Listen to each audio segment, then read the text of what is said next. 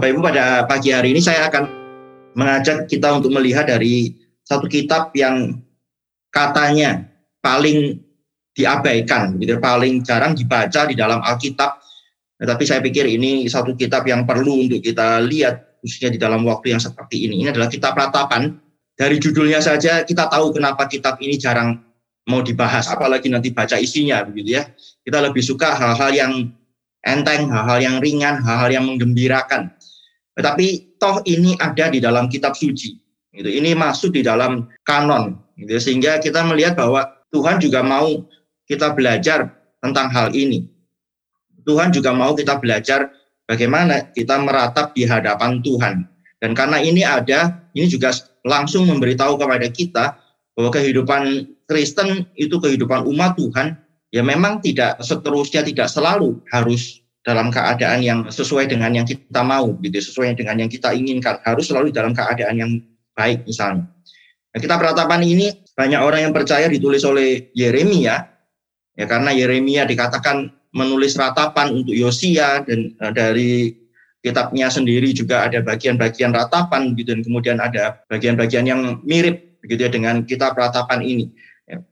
Meskipun juga ada orang-orang yang meragukan ya tidak seluruhnya gitu. Ada ada perbedaan-perbedaan kata kunci dari Yeremia dan juga ratapan. Dan juga ratapan adalah satu-satunya kitab yang langsung menyatakan tentang kehancuran Yerusalem. Seperti ini ya saksi mata begitu. Seperti melihat langsung dan kemudian melaporkan apa yang terjadi dengan Yerusalem dengan kota kudus itu dengan bait Allah ketika dihancurkan oleh Babel. Dan banyak orang kemudian juga melihat bahwa Yeremia pada waktu-waktu itu sedang ada di Mesir Yeremia dibawa ke Mesir sehingga kemungkinan besar Yeremia tidak menjadi saksi mata dalam peristiwa ini tapi banyak orang masih mengatakan ini ditulis oleh Yeremia.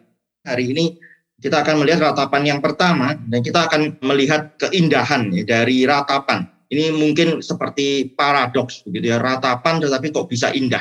Kalau Bapak Ibu nanti membaca mungkin latar belakang dari kitab ini Bapak Ibu akan menemukan bahwa kitab ini sekalipun ratapan ini bukan satu ratapan yang luapan emosi saja. Ya, satu teriakan, satu seruan yang karena ya situasi sangat sulit sehingga kemudian ini ya langsung begitu terus kemudian spontan keluar gitu saja. Tidak, ini ditulis dengan sangat-sangat terstruktur. Kitab ratapan ini ditulis secara akrostik. Ya, akrostik itu artinya uh, dimulai dengan alfabet begitu ya. Ya, ini biasanya ya akrostik nggak harus berarti demikian sehingga harus berarti alfabet dari A sampai Z begitu. Bukan begitu bisa juga misalnya nama saya Budi Sutrisno terus kemudian B-nya apa U-nya apa itu juga akrostik gitu. Tapi di sini adalah dari alfabet Ibrani dari Alef sampai Tau. Nah, kalau Bapak Ibu melihat Alef sampai Tau itu 22 ya alfabet. Maka ratapan pasal yang pertama pasal yang kedua pasal yang ketiga dan pasal yang keempat itu akrostik pasal ketiga khususnya setiap abjad itu tiga ayat jadi alef tiga kali, kemudian bet tiga kali, dan seterusnya. Nah, hanya di pasal yang kelima, ini tidak akrostik lagi. Ya, tapi tetap 22 ayat. Ya, di pasal yang kelima tidak akrostik lagi, tapi tetap 22 ayat. Pasal yang ketiga karena tiga kali berarti 66 ayat. Nah, Bapak Ibu nanti bisa melihat ya sekalipun di dalam bahasa Indonesia pasti nggak kelihatan, gitu ya. Kalau di dalam bahasa Ibrani mereka bisa menempatkan kata kerja itu di depan, ya mereka bisa memilih kata yang diawali dengan huruf yang sesuai, mereka bisa taruh di depan sebagai satu untuk bisa menyatakan akrostik ini. Kenapa akrostik? Ya para penafsir juga mengatakan karena ini dipakai untuk liturgi, ya akhirnya nanti dipakai untuk liturgi dalam ibadahnya orang Israel ketika mereka sudah kembali dari pembuangan. Tapi juga ada tujuan pengajaran Ya dulu orang tidak membaca, dulu orang mendengar. Ya, ketika orang mendengar, maka ya perlu ada satu struktur, ada satu susunan yang audible yang mereka bisa dengar dan kemudian mereka lebih mudah untuk mengingat. Maka akrostik ini penting begitu ya untuk pengajaran, untuk kemudian nanti dipakai juga di dalam liturgi dan terlebih lagi khususnya supaya mereka juga bisa mengingat nah, apa isi dari pengajaran ini. Nah, mari kita mulai melihat di dalam ratapan pasal yang pertama ini dan saya berharap Bapak Ibu juga membuka Alkitab, boleh membaca bersama-sama dengan saya dan kemudian nanti kita bisa melihat bahwa penulis ini adalah orang yang benar-benar ketika meratap pun dia benar-benar memikirkan, ya, dia benar-benar kemudian melihat apa yang perlu untuk diketahui oleh umat dan kemudian apa yang kemudian perlu juga umat itu bisa merespon gitu ya. Saya akan bacakan ratapan pasal yang pertama ini, Bapak Ibu bisa mengikuti dari Alkitab masing-masing. Ah, betapa terpencilnya kota itu yang dahulu ramai. Laksana seorang janda lah, ia, yang dahulu agung di antara bangsa-bangsa. Yang dahulu ratu di antara kota-kota, sekarang menjadi jajahan. Pada malam hari terseduh-seduh ia menangis, air matanya bercucuran di pipi. Dari semua kekasihnya tidak ada seorang pun yang menghibur dia. Semua temannya mengkhianatinya, mereka menjadi seterunya. Yehuda telah ditinggalkan penduduknya karena sengsara dan karena perbudakan yang berat. Ia tinggal di tengah-tengah bangsa-bangsa, namun tidak mendapat ketentraman. Siapa saja yang menyerang dapat memasukinya pada saat ia terdesak. Jalan-jalan ke Sion diliputi duka cita, karena pengunjung-pengunjung perayaan tiada.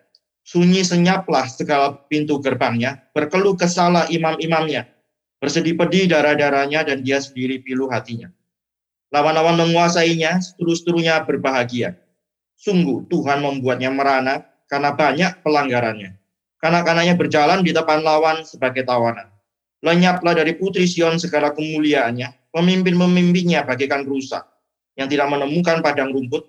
Mereka berjalan tanpa daya di depan yang mengejarnya. Terkenanglah Yerusalem pada hari-hari sengsara dan penderitaannya akan segala harta benda yang dimilikinya dahulu kala.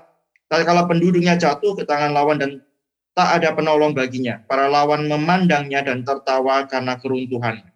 Yerusalem sangat berdosa sehingga najis adanya. Semua yang dahulu menghormatinya sekarang menghinanya karena melihat karena melihat telanjangnya dan dia sendiri berkeluh kesah dan memalingkan mukanya. Kenajisannya melekat pada ujung kainnya, ia tidak berpikir, pada akhirnya sangatlah dalam ia jatuh. Tiada orang yang menghiburnya. Ya Tuhan, lihatlah sengsaraku. Karena si seteru membesarkan dirinya. Si lawan mengulurkan tangannya pada segala harta bendanya, bahkan harus dilihatnya bagaimana bangsa-bangsa masuk ke dalam tempat kudusnya. Padahal engkau, ya Tuhan, telah melarang mereka untuk masuk jemaahmu. Berkeluh kesah seluruh penduduknya sedang mereka mencari roti. Harta benda mereka berikan ganti makanan untuk menyambung hidupnya. Lihatlah ya Tuhan, pandanglah betapa hina aku ini. Acu tak acukah kamu sekalian yang berlalu? Pandanglah dan lihatlah, apakah ada kesedihan seperti kesedihan yang ditimpakan Tuhan kepadaku untuk membuat aku merana tatkala murkanya menyala-nyala. Dari atas dikirimnya api masuk ke dalam tulang-tulangku. Dihamparkannya jaring di muka kakiku, didesaknya aku mundur. Aku dibuatnya terkejut, kesakitan sepanjang hari.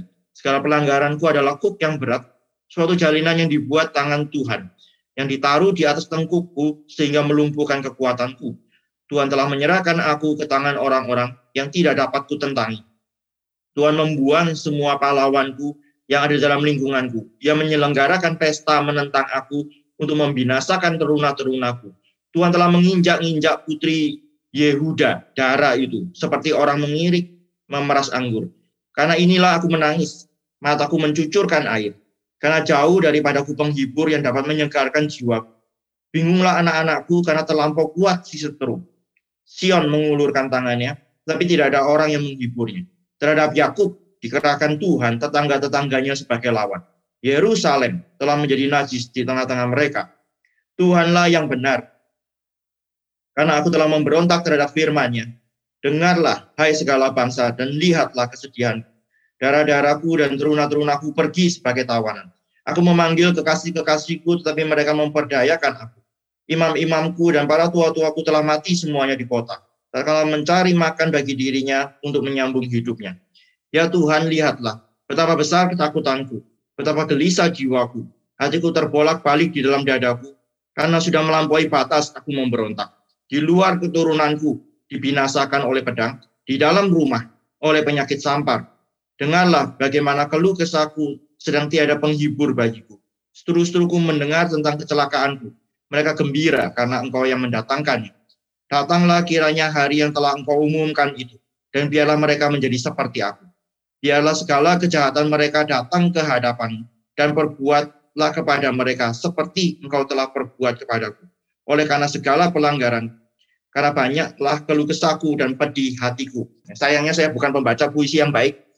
Bapak Ibu mungkin nanti yang lebih jago baca puisi itu Ibu Lita, mungkin boleh merekam membacakannya bagi kita semua gitu untuk ratapan pasal yang pertama ini. Ini lima puisi ya, ratapan ini satu dua tiga empat lima adalah lima puisi dan lima puisi ini ada yang mengatakan ditulis oleh lebih dari satu orang tetapi kalau kita melihat ada progres di dalam puisi-puisi ini ya kemungkinan ditulis oleh satu orang saja. Ini Bapak Ibu saya mau mengajak kita untuk memperhatikan ya di dalam pasal yang pertama ini ya peratap ya, saya lebih suka menyebutnya sebagai peratap karena ya kita nggak tahu apakah benar Yeremia atau bukan.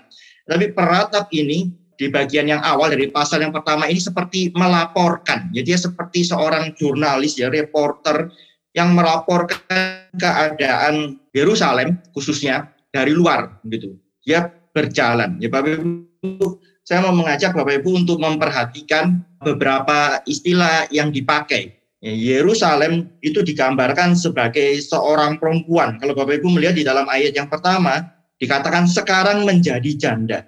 Ya, dulu itu agung, tetapi sekarang seperti janda. Dulu seperti ratu di antara kota-kota, sekarang seperti janda. Gitu janda yang meratap karena kematian suaminya. Gitu, sedang dalam kedukaan yang sangat dalam. Terus kemudian digambarkan lagi Putri Sion. Kalau Bapak Ibu membaca di dalam ayat yang ke-6, ya Putri Sion digambarkan sebagai seorang perempuan memang. Ya karena kota ya pada waktu itu kalau saya nggak salah di dalam Ibraninya itu pakai genre feminin, ya, digambarkan sebagai perempuan. Tapi yang menarik, saya memperhatikan di sini yang menarik yang tadi saya katakan, peratap ini seperti sedang melaporkan. Dia berjalan menuju Yerusalem itu. Dia dari luar berjalan masuk. Ya, kita bisa melihat dari ayat yang ketiga, pertama dia mengatakan berkenaan dengan Yehuda. Yehuda telah ditinggalkan penduduknya. Ini Yehuda adalah satu sebutan untuk kerajaan Israel Selatan. Seluruh kerajaan Israel Selatan itu disebut sebagai Yehuda, satu wilayah yang luas, gitu ya, satu wilayah yang cukup luas mencakup daerah Yehuda dan Benyamin. Maka dikatakan di sini mulai dari yang paling luar terlebih dahulu Yehuda, tapi kemudian dia masuk lagi makin mendekat, makin mendekat. Ayat yang keempat, jalan-jalan ke Sion.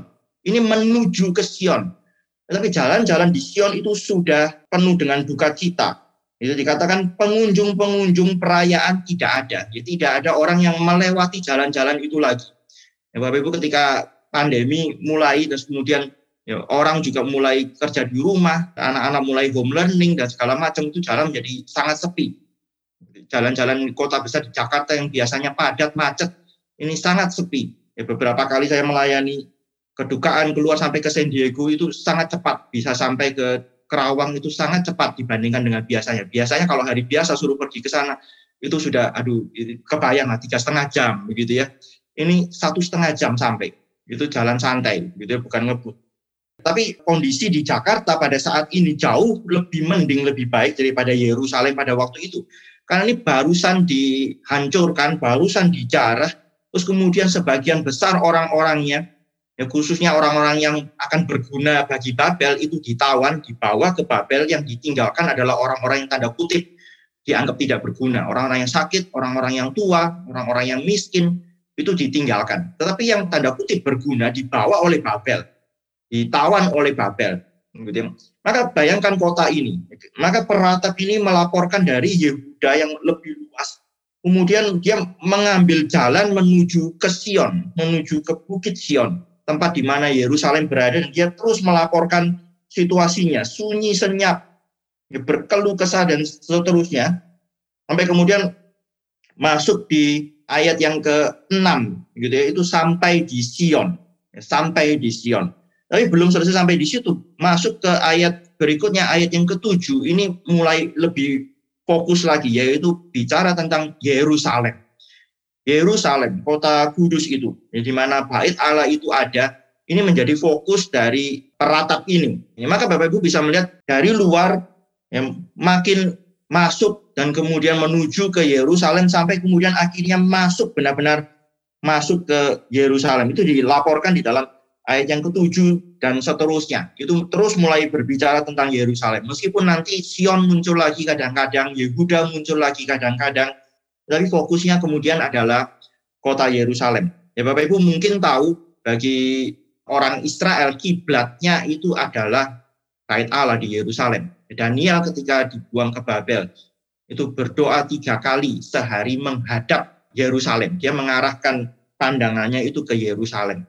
Ya, orang-orang Israel ketika Yehuda khususnya kerajaan selatan ketika mereka dibuang, ya mereka itu terus menantikan kapan Tuhan akan memulihkan mereka. Tuhan sudah janji 70 tahun itu akan dibawa kembali ke Yerusalem. Maka mereka memiliki pengharapan itu. Mereka terus menunjukkan pandangannya ke Yerusalem. Kiblat mereka adalah Yerusalem karena di situ bait Allah pernah ada, di situ Tuhan pernah menaruh namanya dan mereka memegang janji Tuhan bahwa suatu hari Tuhan akan kembali memulihkan Yerusalem, memulihkan kembali bait Allah, yang memulihkan kembali mau lagi ada di tengah-tengah umatnya, taruh lagi namanya di situ. Meskipun itu tidak terjadi kemudian. Kenapa? Karena tabut Allah itu tidak pernah ada lagi. Ya, setelah dikalahkan oleh Babel, dihancurkan oleh Babel, ya tabut Allah itu tidak pernah ada lagi. Jadi ruang maha kudus itu kosong.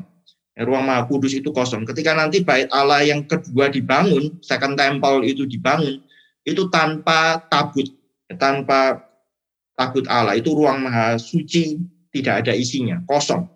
Bapak Ibu bisa melihat ada satu progres gitu. Makin maju makin eh, fokus ke Yerusalem. Tapi bukan cuma itu Bapak Ibu. Kita bisa melihat dari kata ganti yang dipakai oleh peratap ini saya membagi bagian ini kita bisa melihat menjadi tiga bagian yang pertama adalah ayat 1 sampai ayat yang ke-11 ya, ayat 1 sampai ayat yang ke-11 peratap ini bicara tentang Yehuda, Sion, Yerusalem itu sebagai orang ketiga. Dan kemudian juga bicara tentang Tuhan itu sebagai orang ketiga. Dia benar-benar seperti reporter. Gitu dia melaporkan, dia berjalan masuk mendekat dan kemudian sampai masuk ke Yerusalemnya. Dia melaporkan seolah-olah dia melihat satu pemandangan yang memang buruk, yang memang pantas untuk diratapi tapi nggak ada urusan sama dia. Tapi Bapak Ibu bisa melihat sekarang di dalam ayat yang ke-11, ayat yang ke-11 bagian yang terakhir, Bapak Ibu bisa melihat langsung di sini ada satu perubahan. Itu bukan lagi melaporkan tentang orang lain, tapi bicara tentang dirinya sendiri. Lihatlah ya Tuhan, pandanglah betapa hina aku ini. Betapa hina aku ini. Dan dari situ terus aku, aku, aku. Itu muncul terus. begitu ya Sampai di ayat yang ke-19. Ya, Bapak Ibu bisa melihat ini sekarang ratapan yang tadinya seperti satu report, satu laporan tentang orang lain, tentang kondisi di luar dari dirinya. Dia sedang melaporkan itu, sekarang dia kenakan kepada dirinya sendiri. Dia mengidentikan dirinya sendiri dengan Yerusalem. Ya karena memang kalau penulisnya betul Yeremia atau orang Yahudi siapa pun juga, ya bagi mereka tentu ini berlaku. Ya apa yang terjadi dengan Yerusalem itu menjadi satu hal yang kesedihan mereka juga. Bapak Ibu ini satu hal yang saya mau ajak pada pagi hari ini untuk kita pikirkan ya untuk kita lakukan. Di tengah-tengah pandemi yang seperti ini kita mungkin seperti orang-orang luar oke itu terjadi ya pandemi ini terjadi wabah terjadi dan lain sebagainya gitu tetapi apakah kita merasakan benar-benar merasakan begitu bahwa ini juga bisa terjadi pada kita. Ini juga adalah masalah kita. Kita berusaha untuk mengamankan diri kita, mungkin kita pasti kena dampaknya, sedikit atau banyak kita kena dampaknya. Ya, peratap ini, Bapak Ibu bayangkan kalau dia berjalan di jalan-jalan Yehuda, terus kemudian dia memilih jalan ke Sion, menuju Sion, dan kemudian dia berjalan makin dekat ke Yerusalem. Bapak Ibu juga pasti bisa membayangkan bagaimana perasaannya melihat kehancuran yang terjadi itu. Nah, kita mungkin juga melihat hal yang sama, tapi apakah kita melihat itu cuma sebagai orang luar saja, kacamata dari luar saja? Ya, saya berharap bukan seperti itu, tapi kita juga bisa seperti peratap ini, mulai dari ayat yang ke-11, ya, dia kemudian melihat bahwa itu bukan di luar, itu adalah bagian dari hidupnya juga. Dia adalah bagian dari kehancuran yang sedang terjadi itu. Saya harus bersyukur kalau saya boleh ada kesempatan melayani keluar di dalam masa-masa ini ya beberapa kali melayani kedukaan terus kemudian juga melayani baptisan di rumah sakit gitu ya, pergi ke rumah sakit keluar dan ketika keluar itu ya saya melihat apa yang dikatakan oleh peratap ini di jalan-jalan kosong ketika keluar itu orang ada khawatirnya ada takutnya itu seperti kita tuh ada Bapak Ibu itu ada kayak ada sensornya begitu. Begitu ada orang dekat sama kita kita langsung otomatis menjauh gitu ya. Itu ada ada kayak ininya begitu. Ada kayak sensornya begitu dan wah itu kita nggak bisa bersikap normal di luar. Kita nggak bisa. Kalau di rumah mungkin kita masih bisa bersikap normal. Kita mungkin merasa safe, aman di rumah kita. Tapi begitu keluar itu nggak bisa merasa normal. Itu sangat tegang gitu ya. Pada waktu itu Pak Yohan yang pergi bersama-sama dengan saya ketika membaptis itu Pak Yohan mengatakan ini nyetir pun rasanya lain, gitu ya. Karena sudah lama nggak nyetir itu satu, tetapi juga yang kedua ada sesuatu yang berbeda gitu. Ada ada perasaan yang lain ketika keluar dari rumah harus keluar dari rumah itu ada satu perasaan yang lain. Nah ini di sini mulai dari ayat yang ke-11. Ya, peratap ini mengatakan aku, itu aku, itu bukan sesuatu yang di luar lagi, itu aku. Bapak Ibu mungkin ingat Nehemia. Nehemia berdoa, dia teringat kepada Yerusalem, dia berdoa. Dan kemudian ketika dia ya, sudah mendapat laporan tentang keadaan Yerusalem, dia ya meratap juga.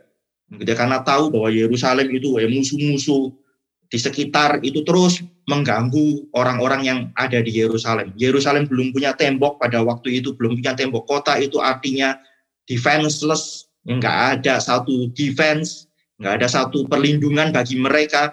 Mereka terus diganggu oleh orang-orang. Tapi apa yang terjadi pada waktu itu? Nehemia nggak katakan, oh itu Yerusalem nggak ada urusan sama saya. Tidak. Nehemia itu kemudian berdoa dan kemudian dia mengaku dosa. Dia mengaku dosa, mengaku bahwa dia sendiri juga adalah orang yang berdosa sama seperti orang-orang yang ada di Yerusalem itu. Gitu. Dan kemudian ya mengaku bahwa ini semua terjadi karena dosa mereka, karena kesalahan mereka sehingga Tuhan menghukum mereka. Tetapi kemudian ya bukan cuma berhenti di situ, ya Yeremia berpuasa, kemudian Tuhan itu mulai menggerakkan hatinya. Ya, Bapak Ibu saya berharap ya di tengah-tengah kesulitan kita, ya ini dua bulan, nggak tahu akan berapa lama lagi. Tapi saya berharap kita bukan menjadi orang-orang yang kemudian apati, ya mati rasa. Saya ingat dulu juga ketika kerusuhan Mei 98, ya ini bulan Mei juga, banyak orang mengungkit lagi tentang hal itu. Kerusuhan Mei 98 itu satu shock pada waktu saya masih kuliah S1 masih mahasiswa dan kemudian terjadi itu dan itu supermall itu dijarah di depan mata kami. Gitu, kami sedang di UPH, supermall itu dijarah dan ya langsung UPH itu ditutup. Ya, nggak boleh keluar, nggak bisa pulang semalaman ada di kampus dan seterusnya itu satu shock, Bapak Ibu. Tapi kemudian setelah itu lewat selesai, terus kalau saya nggak salah bulan September atau Oktobernya ada kerusuhan lagi, itu lain rasanya sudah seperti lebih kebal gitu ya. Oh terjadi lagi begitu ya. Ya sekarang nggak di depan mata sih terjadi di kalau saya nggak salah di Jakarta begitu ya, bukan di Tangerang lagi. Tapi ada ada satu perasaan oh terjadi lagi begitu. Cuma begitu aja. Satu perasaan yang lebih kebal gitu ya, lebih mati rasa dibandingkan ketika pengalaman yang pertama. Tapi saya berharap ya kita bukan menjadi orang-orang yang mati rasa, ya, tapi kita menjadi orang-orang yang kemudian reflektif. Ya, kita melihat apakah ada maksud Tuhan. Ya, pasti ada maksud Tuhan, tapi maksudnya apa bagian kita? Ya, apa peran kita di dalam maksud Tuhan? Apa maksud Tuhan bagi saya? Ya, di dalam situasi yang seperti ini, ini perlu kita lihat, ini perlu kita pikirkan. Maka Bapak Ibu ketika nanti tolong baca ulang, mulai dari ayat yang ke-11, itu sekarang sudah personal. Yang tadinya adalah untuk orang di luar, orang ketiga, pakai kata ganti orang ketiga, begitu ya. Tapi sekarang menjadi personal, pergumulan itu ratapan itu menjadi satu ratapan yang personal, aku, aku dan aku. Nah, sebelumnya Perata memang sudah mengaku bahwa ini semua terjadi karena umat berdosa kepada Tuhan, karena umat melawan Tuhan. Ini adalah hukuman Tuhan bagi umat. Tetapi sekarang Peratap itu mengatakan aku pun berdosa. Aku pun bersalah kepada Tuhan. Bukan orang lain, Bukan cuma orang lain yang bersalah, aku pun bersalah. Bapak Ibu kita tahu di dalam peristiwa ini, yang dihukum itu adalah seluruh umat. Bukan cuma orang-orang yang berdosa melawan Tuhan, tetapi orang-orang saleh pun kena dampaknya. Daniel itu juga ikut ditawan, ikut dibuang. Nabi-nabi, ya Yeremia juga mengalami kesulitan yang besar gitu, pada waktu itu. Itu mereka orang-orang saleh kan. Mereka orang-orang yang percaya kepada Tuhan, mereka justru dengan setia memberitakan firman Tuhan, Dan ketika mereka setia kepada Tuhan di tengah-tengah umat yang tidak setia, kita sering kali pikir bahwa ya yang nggak setia aja yang dihukum. Yang memang berdosa, yang memang bersalah, yang memang tidak mau bertobat dong yang dihukum. Kenapa enggak seperti waktu keluaran? Waktu keluaran itu kan keren gitu ya. Mesir itu dihajar habis-habisan, tapi tanah Goshen di mana orang Israel tinggal itu adem ayem.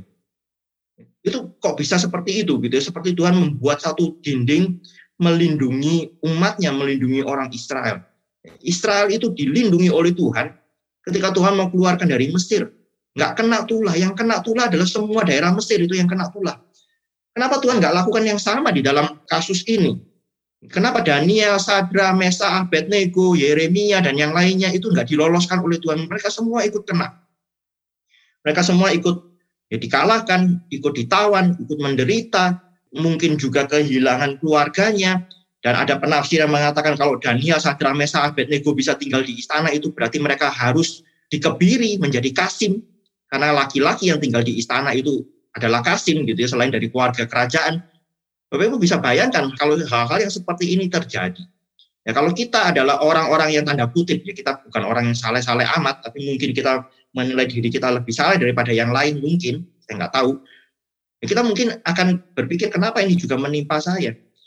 Ya, tapi inilah yang dinyatakan di dalam Alkitab ya. Umat itu adalah umat perjanjian. Ada di dalam satu perjanjian dengan Tuhan. Itu bukan cuma perjanjian individual. Saya secara individu berjanji di hadapan Tuhan. Tidak. Tetapi komunitas itu penting di hadapan Tuhan. Maka di dalam hal ini, peratap itu bukan cuma melaporkan. Ya mungkin dia adalah orang saleh. Kalau dia saleh atau orang salah. Orang salah cara mengaku dosa menutupi dosanya. Orang salah akan merasionalisasi, akan memberikan pembelaan-pembelaan bagi dirinya. Tapi orang saleh itu akan mengaku dosa. Dia mengaku dosa. Ya, dia mengaku dosa. Ini pasti orang saleh. Maka ketika kesulitan ini, dia tidak diloloskan oleh Tuhan. Ya, dia kemudian ikut menanggung ya, semua kesalahan dari umat. Bapak Ibu ini juga bisa terjadi dengan kita. Kita berusaha saleh, kita harus ya berusaha untuk terus taat kepada Tuhan. Tetapi ya sekalipun demikian, ketika Tuhan memang mau ya, menghukum atau menguji ya, dalam persekutuan doa yang sebelumnya saya mengatakan kita bisa melihat ini dalam berbagai perspektif dan mungkin saja itu semua berlaku ya bagi orang percaya ada orang-orang yang diuji oleh Tuhan ada orang-orang yang memang mau dihukum oleh Tuhan karena dosa karena kesalahannya ada orang-orang yang ya Tuhan mau justru mau latih, mau kuatkan dan lain sebagainya. Itu semuanya bisa terjadi. Tapi yang saya mau katakan adalah kita kalaupun kita sudah berusaha saleh, ya bukan berarti kemudian kita akan lolos dari kesulitan. Bukan berarti kemudian kita akan dilindungi senantiasa oleh Tuhan dan tidak mengalami hal-hal yang tidak enak. Ya Bapak Ibu bisa membaca sampai ke ayat yang ke-19. Ini adalah pergumulan pribadi tetapi ini belum mencapai yang paling dalam. Ya, pergumulan pribadi ini tetap menyebut Tuhan sebagai pihak ketiga. Tuhan misalnya kalau Bapak Ibu membaca ayat yang ke-15, Tuhan membuang semua lawanku. Yaitu Tuhan sebagai pihak yang ketiga begitu. Ini peratus sedang menceritakan kepada orang lain, yang menceritakan kepada kita sebenarnya pembacanya, tapi dia menceritakan tentang Tuhan sebagai pihak yang ketiga. Tapi Bapak Ibu lihat di dalam tiga ayat yang terakhir, mulai dari ayat yang ke-20, ini benar-benar sekarang peratap itu menghadapi Tuhan. Langsung berbicara kepada Tuhan sebagai pihak kedua, sebagai orang kedua. Peratap itu orang pertama, dia berbicara langsung kepada Tuhan. Ya Tuhan, lihatlah betapa besar ketakutanku. Lihatlah ya Tuhan, pandanglah betapa ini. Ayat 20, 21, dan 22. Nah itu menjadi satu bagian di mana peratap itu bergumul dengan Tuhan. Ya, bukan cuma bergumul tentang Tuhan, bukan cuma bergumul tentang apa yang Tuhan lakukan, tapi bergumulnya dengan Tuhan sendiri sekarang.